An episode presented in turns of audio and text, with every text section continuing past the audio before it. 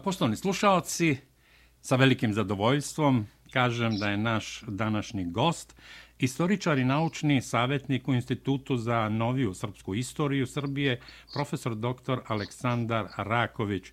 Mir Boži i Hristo se rodi, srećna nova godina i svi praznici koji su prošli, ali koji nam i dolaze i dobrodošli na talase Srpskog radija Čikago. Dva istinu se rodi, Bog se javi, srećan vam sreć, e, posebno sam srećan i zbog toga što ste vi dobro. Hvala. Sada e, treba, treba da častite što ste u dobrom stanju i kao Rade Šerbeđi u filmu Riola Vera. Da, naravno, kad se budemo videli u Beogradu ili ovde u Čikagu, čaša dobrog vina ili butiljka dobrog vina sleduje, a ostalo ćemo videti. Sigurno. A, profesore, konfuzna politička situacija, rekao bih, vrlo turbulentna, da ne upotrebim neki drugi izraz, u Crnoj Gori. Dritana Bazović, podpredsednik Crnogorske vlade, predsjednik e, pokreta, građanskog pokreta URA i koalicije Crno na Bijelo. Traži obaranje vlade Zdravka Kirokapića, odnosno već je taj valjda predlog u, u, u nekom opticaju i formiranje manjinske vlade. On je optužio Zdravka Kirokapića, oprostite, još uvek mi glas nije, kako bih rekao, u punoj formi. On je optužio Zdravka Kirokapića da ima veze sa švercom cigareta. Sa druge strane, Zdravko Kirokapić podneo inicijativu za smenu podpredsednika vlade Dritana Bazovića, koga optužuje za učešće u švercu kokaina, odnosno da je odavao već, ne znam, neke informacije, jer on kontroliše službe bezbednosti. Sa druge strane, opozicija, Demokratska partija socijalista sa satelitima, podnela inicijativu za smenu Alekse Bečića, predsjednika Skupštine Crne Gore. Pa molim vas za komentar. Pa to je nevjerovatno ratovanje tim saopštenjima i e, podnescima kojima se traži e, skidanje e, sa vlasti ili vlade ili predsjednika Skupštine ili potpredsjednika vlade, dakle, to je toko, tako izgleda nekako sve nezrelo, da ti svi ljudi koji učestvuju u tom ratu nisu dorasli uopšte da vode ni mesnu zajednicu, ni seosku zadrugu, a kamoli jednu državu. Evo, Crna Gora nije neka posebno, tako da kažem, zemlja razvijene demokratija. Država jeste, priznata je u Ujedinjenim nacijama, ali u svakom slučaju ovo je stvarno ovo što gledamo, jedan veliki reality show, gde se između sebe nemilosrdno tuku oni koji su 8. septembra 2020. 20. godine potpisali onaj sramni sporazum e, u kom su ponovo priznali Kosovo, u kojem su zavranili da se srpska trobojka vrati u Crnogoru kao zvanična zastava i tako dalje i tako dalje.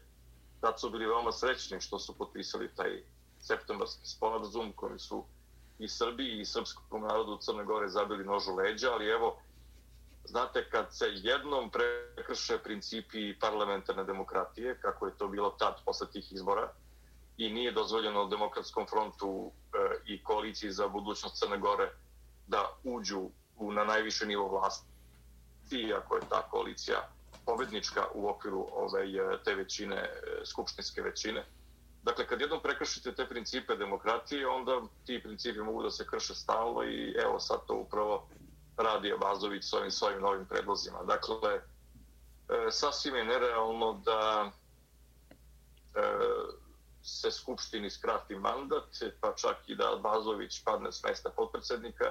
Jedino što je realno je da Krivokapiću padne vlada, zbog toga što je Abazović obezbedio većinu u Skupštini Crne Gore. Dakle, prostim računom, sabiranjem 1 plus 1 pa nadalje, a vidljivo je da Bazović ima nadpolovičnu većinu i da će on zajedno sa ostalima e, koji ga budu podržavali srušiti Krivokapiću u vladu. E, dakle, gotovo je sa Krivokapićom vladom. Ja mislim da se on sam sad, sad, sada samo bori za to da eventualno nekako pokuša da u e, ne znam na koje načine, ja ih ne vidim, ali verovatno, pošto ima razne fantazmagorije, vidite načine, mislim na Kivokapića, da ostane na vlasti do parlamentarnih izbora koje bi odmah bili raspisani, da bi koristio te državne resurse kao svoju propagandnu mašineriju ovaj, za sljedeće izbore. Ali ne vidim dakle, da može da 4. februara, kad to dođe na dnevni red Skupštine Crne Gore, ostane na vlasti. Ali još jedna činjenica je zaista frapantna. To je da je Escobar, koje je svima njima... Da, Gabriel Escobar. Gabriel Escobar i Kivokapiću i Bečiću i Abazoviću između njih napravi takvu pometnju, neće takvu jabuku razdora, da evo vidimo da trče e, od Podgorice do Vašingtona pa nazad i već čekaju ga da dođe 2. februara da bi nekog od njih pomilovao po kosi, a oni njega poljubili u ruku ili u cipelu, kako je to obično rađeno sa e, vladarima, makar ajde da kažemo u srednjem veku, pa i kasnije u nekim ovaj, orientalnim državama, ali u svakom slučaju to pokazuje taj podanički odnos i sasvim različit odnos između Republike Srpske i Crne Gore, gdje se vlasti Republike Srpske opiru tome što je Skobar nameće kao rešenje i uspešno se odupiru tome po cenu E, po cenu sankcija, po cenu e, najžešćih pritisaka e, a u Crnoj Gori se ponašaju sasvim drugačije kao posljednji podanici koji su spremni da učine sve samo da bi odobrovoljili Eskobara i tako ovaj, ga nekako odobrovoljenog zamolili da ostanu na vlasti. Sada se, dakle, upravo za fotelje bore oni ljudi koji su stalno govorili da se demokratski front bori za. Pošto ja poznajem ljudi iz demokratskog fronta, zaista dugo ih poznajem, Andriju Mandića veoma dugo, preko 20 godina, ovaj, Andrija Mandić se sigurno nije borio za fotelju, on se borio za bolje sutra i za srpski narod Crne Gore, za Srpsku pravoslavnu crkvu i za sve Srbe, da god da žive. Dakle, on ima jednu takvu, takvu srpsku svest. Milan Knežević također, evo i Nebojša Medović je zajedno sa svima njima stradao. Dakle, radi se o ljudima koji su zaista stradali i trpeli teške pritiske, sankcije, hapšenja, prebijenja i ostalo od DPS-ovog režima. Dakle, oni se nisu borili za fotelje, e, one su im po izbornom rezultatu pripadale, a oni su se čak i toga odrekli da bi dali šansu Krivokapiću, a sada upravo oni koji se navodno nisu borili za fotelje, grčevito se između sebe tuku ko će ostati u fotelje. Krivokapić, Spajić, e, E, Abazović, Bečić i već ovi ostali i tako dalje. Ovaj, I vidjet ćemo na kraju kako će sve to da se završi, ali e, znate kako, nije prijatno ovo što se dešava u Crnoj Gori, posebno posle 30. augusta one velike pobede koje je srpski narod izneo na svojim leđima i plećima.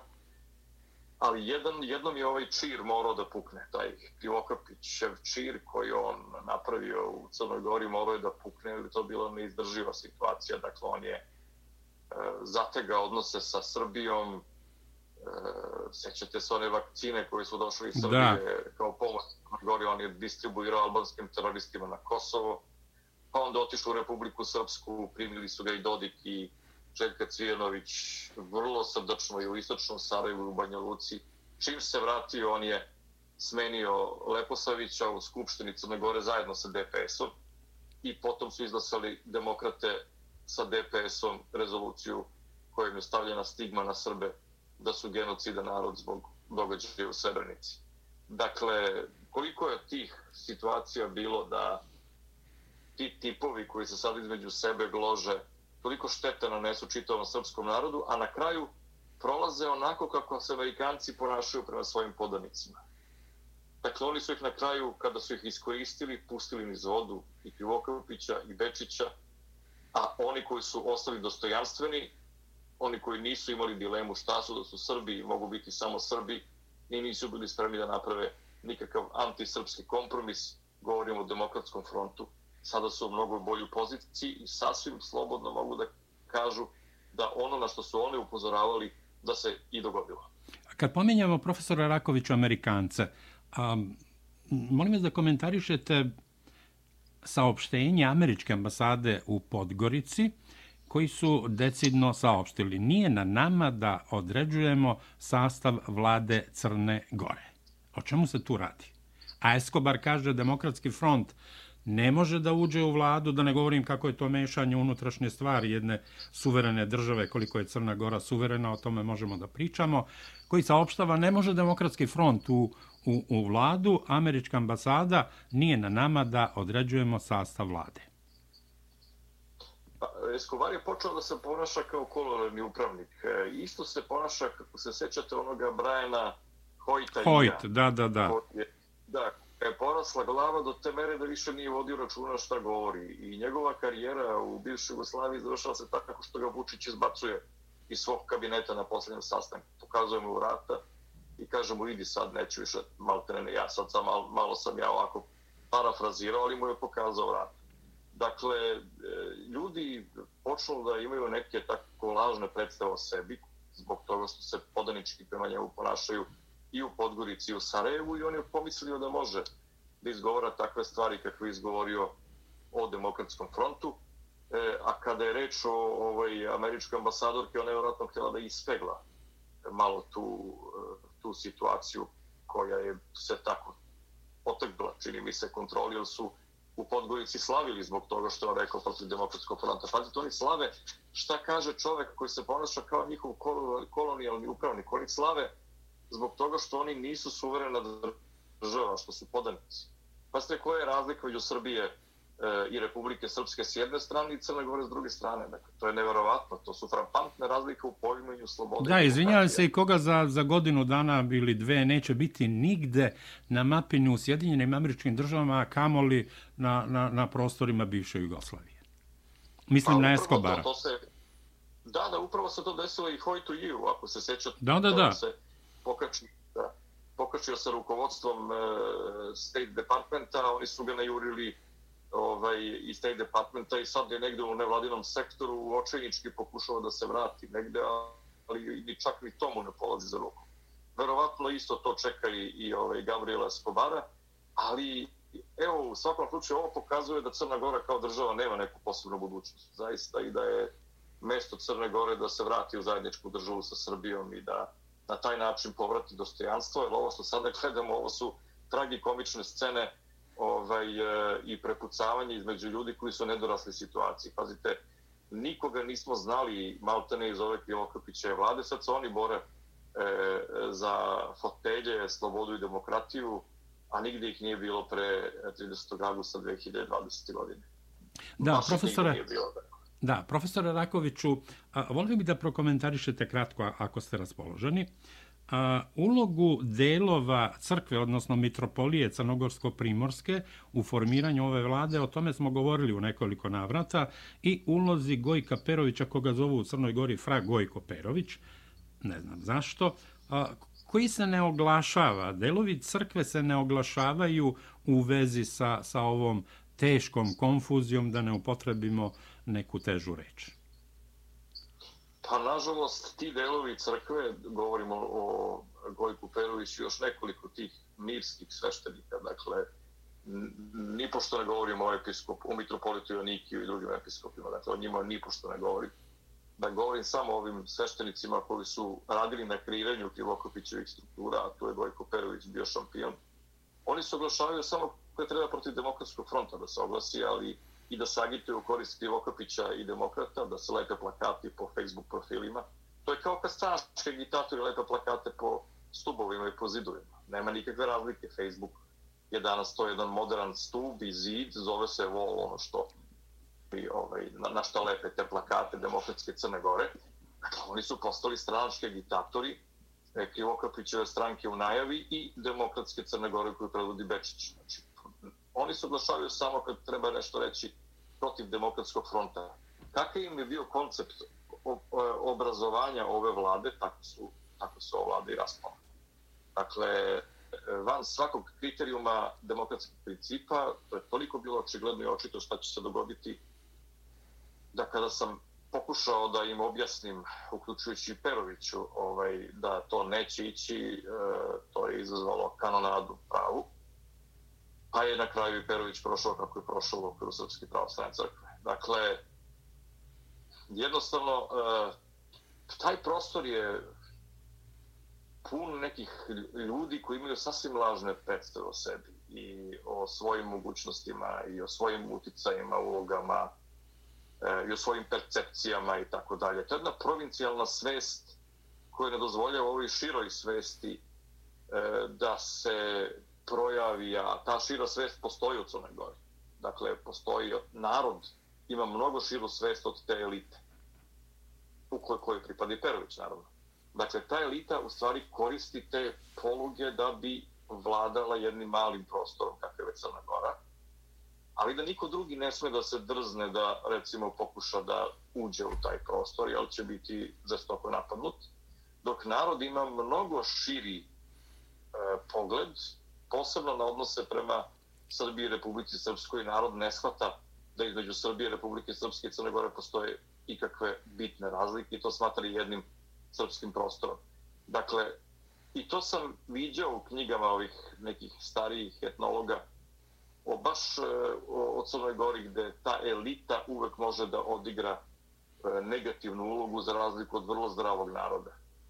Tako da je se to dogodilo i sa Perovićem. Ne znam šta se sada dešava, pravo da vam kažem, e, nemam ni komunikaciju ni s njim, ni s njegovim okruženjem, ali e, sve to kako su skockali, tako je i prošlo. E, ranije su krivili demokratski front za Krivokapićevu e, nesposobnost, sad čak i to se ponekad pojavi kao, kao ovaj, e, njihov izgovor, međutim već je to počelo da se e, da se premešta ta krivica ka Dritanu Bazoviću i, i SNP.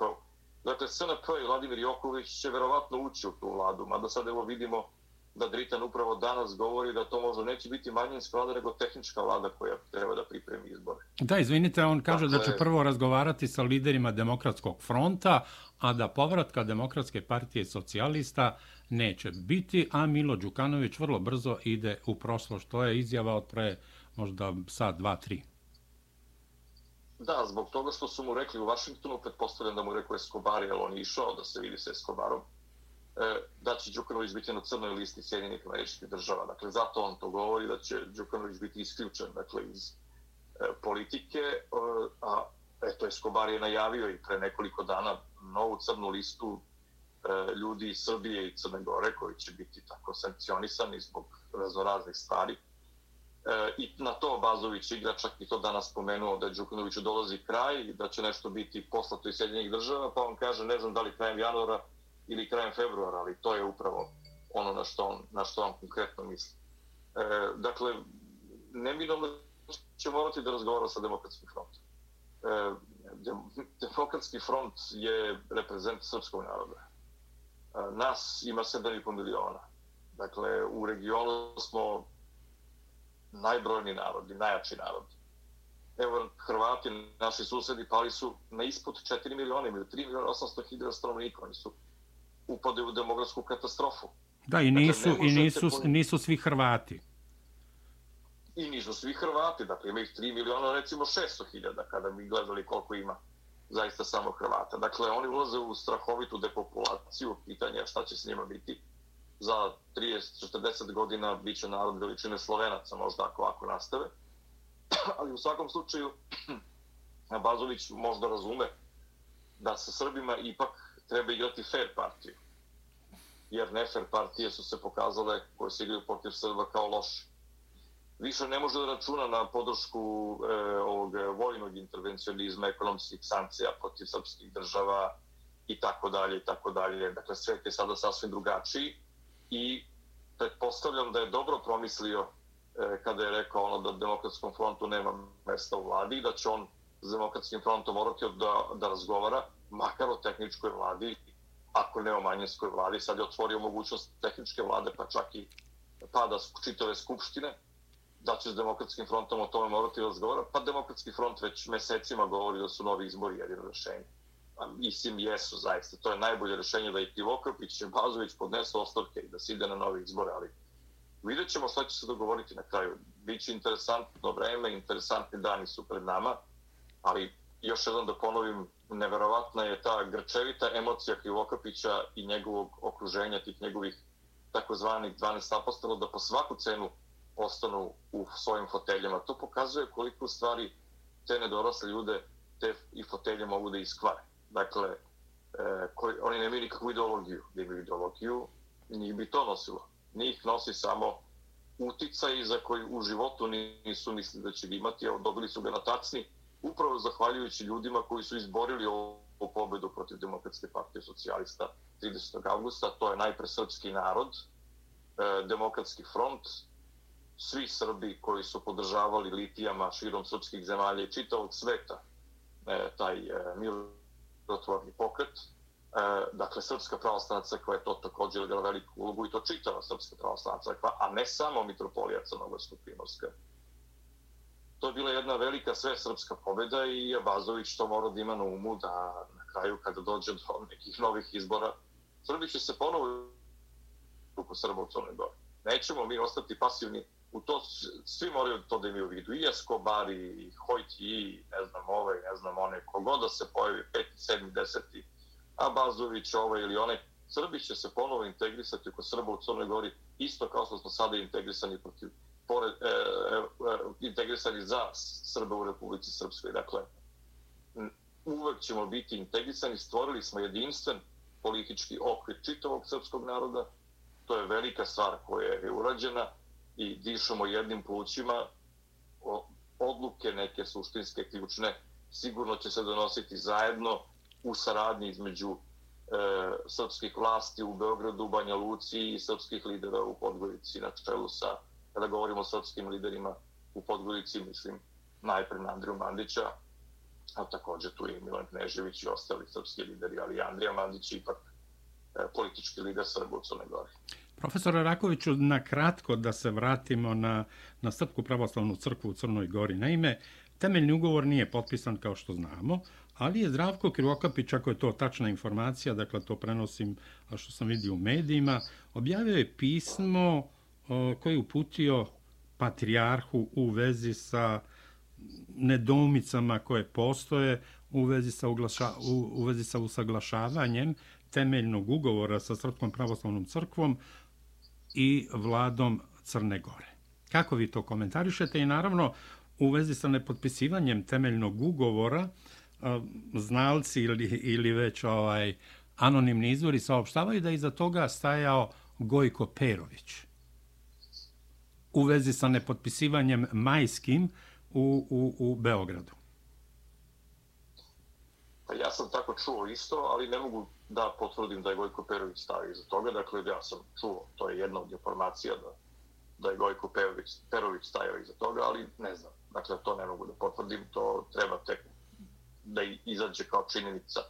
Na kraju Krivokapić će sam progovoriti kad bude pao s vlasti šta se sve dešavalo i zašto nije potpisao temeljni ugovor kad ga je mitropolit Jonikije, odnosno tada episkop Jonikije još uvek pozvao da dođe u Beograd da potpiše temeljni ugovor koji je već bio saglašen. Dakle, kada je reč o ovom konkretnom pismu e, koje je poslato, e, to ja ne razumem potpuno taj potez Krivokapićev potez da objavi to pismo javno. Dakle, to je izaziva vrlo negativnu emociju kod poznavalaca tog pitanja i kod e, ljudi koji se bave e, stvarima tim i crkveno državnim i tako dalje i crkvenim, dakle to je prosto bez veze objaviti samo inicijativno to pismo, e, a pritom e, nisu to stvari koje su jedine bile tema i jedino što je on promenio. Dakle, on je izbacio iz temeljnog ugovora i Svetog Savu i Svetog Vasilija Ostroškog i Svetog Petra Cetinskog. E, Srpska pravoslavna crkva se vratila na taj usaglašeni, prvi usaglašeni ugovor, dakle to je što se Srpske pravoslavne crkve tiče, taj usaglašeni ugovor da se nalazi i ti svetitelji koje Krivo Kapić izbacio iz teksta. Ja mislim da on u ovom pismu ne pominje srpske svetitelji zašto ih izbacio iz teksta. Da, u pismu Nisam nema, ja sam ga pročitao ako je ono originalno, ne pominje uopšte svetitelje. Eto vidite, dakle, on je odgovorio na nešto što njemu odgovara. Ja pravo da vam kažem, pošto sam jedan od onih krivaca koji ga mu je omogućio da bude na toj prvi na toj listi, te više njegove izmišljotine ne mogu da čitam i priznajem da nisam do kraja ni pročitao to što je napisao, jer šta god je napisao, ja mu ne vrlo. Dakle, jednostavno, on je on izgubio poverenje srpskog naroda kojeg je to tako ovaj, podržavao tokom 2020. godine i nema tu što da se dodaje. I mislim, on verovatno sada, on ide u taj projekat osnivanja svoje stranke koji će nazvati demohrišćanskom strankom. Verovatno da bi sebe vezao za mitropoliju Crnogorsko-Primorsku kao političko kripilo. Što bi bilo potpuno nedopustivo. I to, to ne bi bilo, bila dobra poruka. E, I e, zato mu treba da sada hitno potpiše temeljni ugovor. Ja sad ne vidim zašto bi bilo hitno da on potpisuje temeljni ugovor i da na krilima temeljnog ugovora e, započinje neku svoju e, novu karijeru koja bi opet bila usmerena protiv srpskog naroda, onako kako i krenuo. E, naravno, naš patrijarh možda da ima sasvim drugačiji pogled na to pitanje i da kaže, pa evo, on je premijer Crne Gore i trebalo bi da potpišemo temeljni ugovor, će možda doći neka druga vlast koja neće htjeti da potpiše temeljni ugovor i taj patrijarhov pogled bio bi krajnje legitiman i ne, bi, ne bismo mogli da osporimo. Ali da sačekamo da vidimo kako će se prilike odvijati i da e, posle ovih pregovora Ditana Bazovića Demokratskog fronta e, vidimo kakva će biti struktura pa i te tehničke vlade. Jer svaka vlada, pa i tehnička vlada, jer to nije vlada u tehničkom mandatu, nego je to tehnička vlada koja treba da se da raspiše novi izbore, ali ne i tehnička vlada koja je pala, pa onda tehnički odrađuje posao. Dakle, e, to je drugačiji tip vlade. Ova nova vlada koja je bila napravljena je bila bi e, u tom smislu u punom kapacitetu da potpisuje i takve ugovore, kakav je temeljni ugovor. I ja mislim da i temeljni ugovor treba da bude potpisan u Beogradu. Kada bude potpisan. I kogod da ga bude potpisivao, taj ugovor treba da bude potpisan u Beogradu, kao što je ugovor sa Rivokatoličkom crkvom potpisan u Rimu nema nikakvog razloga da Srpska pravoslavna crkva bude izložena diskriminaciji i da se prema njoj vlasti u Podgorici odnose na jedan način, a prema Rimokatoličkoj crkvi na drugi način. Prema tome, eto, to su neke sve važne stvari koje treba imati na umu, ali u svakom slučaju ovaj, e, mislim da je Krivokapić prokockao šansu da potpiše temeljni ugovor, što je i vladika Jerini Vulović dva puta rekao, jednom u intervju novogodišnjem pečatu, a drugi put u njegovom božićnjem intervju u Sputniku. Da, profesore Rakoviću, voleo bih da se još malo zadržimo u Crnoj Gori. Šverc kokaina. Pre dva, tri meseca, čini mi se, otkriveno je tonu i po kokaina u pošiljci banana, pa je uhapšena familija Krstović, odnosno otac i čerka. Pre 15 dana pola tone kokaina otkriveno je također u, u pošiljci banana u kompaniji Voli. Nigde na planeti sam verovatno negde u tim banana republikama, da li u Kolumbiji ili gde, ali nema informacije da i tamo je moguće da se pronađe tolika droga. Pitanje je koliko je još kroz Luku Bar prošlo, što nije pronađeno. A, da se saopšti, nemamo pojma ko je to poslao, broj 1, broj 2, da oni koji su učestvovali u tome, vlasnici kompanija, ovaj Bokan, čini mi se da Dragan Bokan koji je vlasnik Volija, njega nisu ni saslušali. Da, o čemu se tu radi? Šta se tu dešava? To je neverovatno. Tolike količine droge, kokaina i Katnić, taj veseli tužilac, kaže, optužuje tog špeditera, mislim da se preziva Drobnjak, i dva NN lica za udruživanje i stvaranje kriminalne grupe koja je uključena u taj šverc? Pa evo, to je jedno od pitanja koje su ostala nerešena, zbog čega nije demontiran taj DPSO sistem, a u tom DPSO sistemu nalazi se i taj šverc ne samo kokaina, nego i razno raznih drugih e, švercovanja o kojima je William Montgomery pisao u svojim memoarima. Zašto im je to i tolerisano? samo da bi razbili zajedničku državu sa Srbijom. To što je tolerisano Crnoj Gori, od njih je napravilo jednu, uh, jedan prostor krajnje neobičajen za Evropu. Jedino još Kosovo, ovo kojim vladaju trenutno Albanci, sličan prostor. Dakle, to su stvari antidržave po svojoj strukturi, ne nemaju pravu državnu strukturu, ali su antidržave, da služe kao antidržave Srbiji. Nemaju nikakvu drugu namenu i eto, zbog, zbog toga se i tolerisalo kod njih sve ono što se tolerisalo, što je duboko ulazilo u pojam kriminala i sprege državnih vlasti sa kriminalom i korupcijom. E, vidjet ćemo šta nosi sad ovo vreme i narednih nekoliko nedelja i e, meseci i možda će po ta nova vlast, ako se uspostavi, imati neki kapacitet da reši ta pitanja. Ali ne znam, dakle, to je pitanje na koje ne mogu da vam dam odgovor, zato što uopšte ne znam šta će se dešavati, niti mislim da bilo u kom momentu može da kaže sa sigurnoću šta će se desiti. Sigurno Katnić neće protestirati Bokana, to je jasno. To se neće dogoditi. Ali e, ja mislim da ukoliko se ikad pokaže, na primjer, da, da je to bilo tačno, ako se dokaže na sudovima da je to bilo tačno i da se može e, dovesti u vezu, ja mislim da košarkaški klub budućnost treba najuriti iz ABA lige da više nikad nigde ne igraju i rasformirati potpuno da više ne postoje. Jer tako nešto mora da ima, to je kao Šilerova, znate, onda da, mora da. da se sruši. Mo, Da, Dragan Bokan je valjda to- predsjednik, odnosno vlasnik košarkaškog kluba budućnost. Tako je i setimo se utakmice koju je Zvezda igrala onog sa skandala koji je igran u, u Hali Morača gde rukovodstvo DPS-a države i budućnosti napada igrače Zvezde fizički, pljuje ih, vređa, pokušava da ih ponizi samo da bi budućnost tu u toj utakmici pobedila, pa su čak imali nameru da naprave maksimirski scenario kada je Zvezda igrala e, trebalo da je odigrao na utakmicu Sa e, Dinamom. već je bio početak Litija e, pa ne, to je Zvezda igrala tad protiv Dinama da, Da. 90 ali bi, pre- predviđali su isti scenario kad je Zvezda gostovala budućnosti 2019. krajem decembra, već su počeli prvi sukobi u Crnoj Gori ovaj, oko ovog zakona o slobodi veroispovesti. Zvezda nije otišla na tu utakmicu u Podgoricu jer je BIA izdala nalaz u kome je stajalo da su ugroženi e, životi i bezbednost e, stručnog štaba, e, rukovodstva, e, košarkaša i navijača Crvene zvezde koji bi bili na toj utakmici u Podgorici. Dakle, oni su spremali maksimirski scenariju na ulicama Podgorice, gde bi se vodila prava bitka sa, sa srpskom omladinom koja je već tada krenula da protestuje protiv zakona o slobodi veroispovesti, ali vidite koliko su povezane te stvari. Kokain, antisrpstvo, srbofobija, DPS, e, e, Đukanović i sve ostalo, da ne govorimo. Dakle, to je toliko bilo povezano da, da nije moglo da se razmrsi. Neće biti ni malo lako onom ko krene da razmrsi taj čvor, da ga razmrsi, ali to samo može da uradi demokratski front.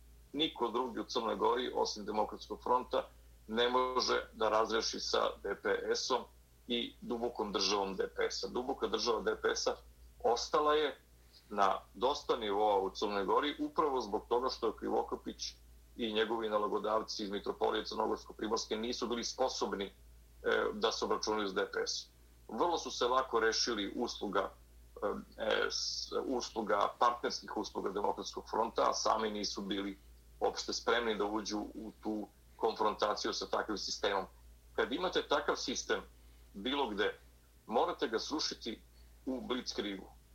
Odmah posle pobede na izborima u Crnoj Gori e, moglo se e, u državne strukture na što pre napraviti vladu, naravno, to je bilo vrlo važno, i odmah ući sa, po zakonu o volontiranju sa volonterima da demontiraju takav sistem. Jer zakon o volontiranju je sad se nekako protežira kao vid e, zapošljavanja ljudi dok ne dobiju stalan posao.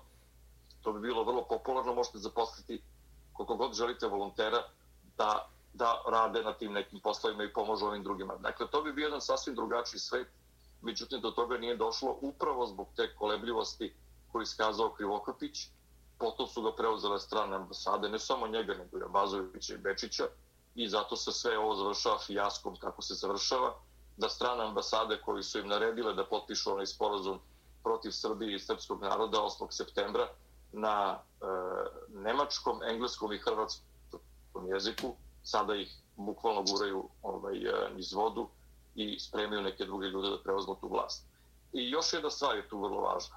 Dakle, mi sad svedočimo protestima u... Da, upravo sam hteo da vas pitam i, i, i ovaj a, skandiranje protiv Dritana Bazovića koji je večeras ispred radio televizije Crne Gore, odnosno zgrade, pokušao da se obrati protestantima koji mu to nisu dozvolili, Policija je bila tu, zaštitila ga, inače bi došlo do incidenta.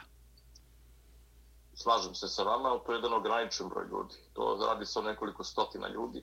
Jedini koji mogu da organizuju velike proteste u Crnoj Gori su je demokratski front.